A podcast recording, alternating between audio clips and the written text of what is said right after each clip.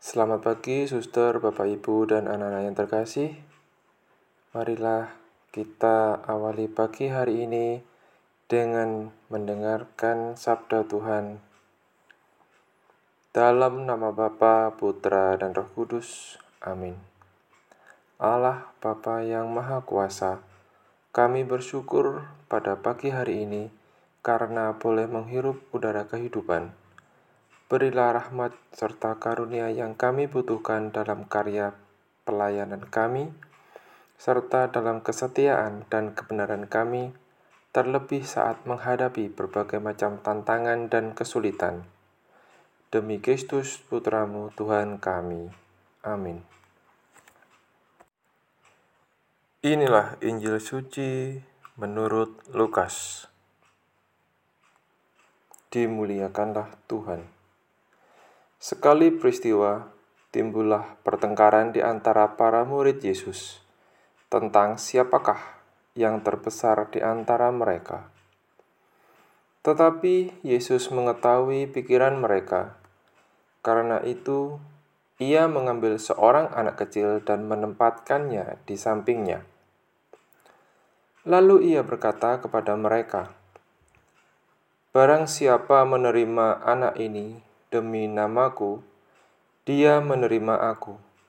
Dan barang siapa menerima aku, menerima dia yang mengutus aku. Sebab yang terkecil di antara kalian, dialah yang terbesar. Pada kesempatan lain, Yohanes berkata, Guru, kami melihat seseorang mengusir setan demi namamu, dan kami telah mencegahnya karena ia bukan pengikut kita.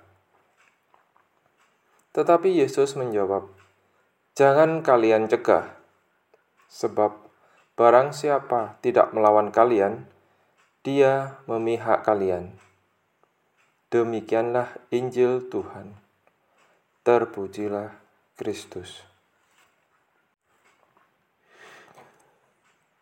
Dunia selalu memperebutkan posisi yang tinggi, sebab posisi menentukan harga diri.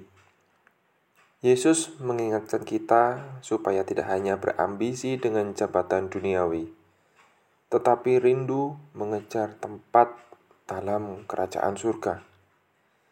Santo Vincentius of Paulo mengisi hidupnya dengan tindakan cinta kasih kepada kaum kecil dan sederhana, pelayanan kepada orang miskin dan terlantar Pelayanan kita yang kecil bisa menjadikan kita orang terbesar dalam kerajaan surga jika disertai dengan cinta yang besar kepada Allah. Apakah kita bangga melakukan hal yang kecil? Ataukah kita selalu berambisi untuk melakukan hal yang besar dan fantastis? Marilah kita berdoa. Yesus, Tambahkanlah kepada kami rahmat kebijaksanaan dan kerendahan hati yang berasal darimu sendiri. Jauhkanlah daripada kami pertengkaran-pertengkaran yang tidak berarti, tetapi dekatkanlah kami kepada sikap kerelaan dengan tulus, serta kemauan dan kemampuan untuk memaafkan yang bersalah kepada kami. Sebab Engkau Maha Pengampun, kini dan sepanjang segala abad.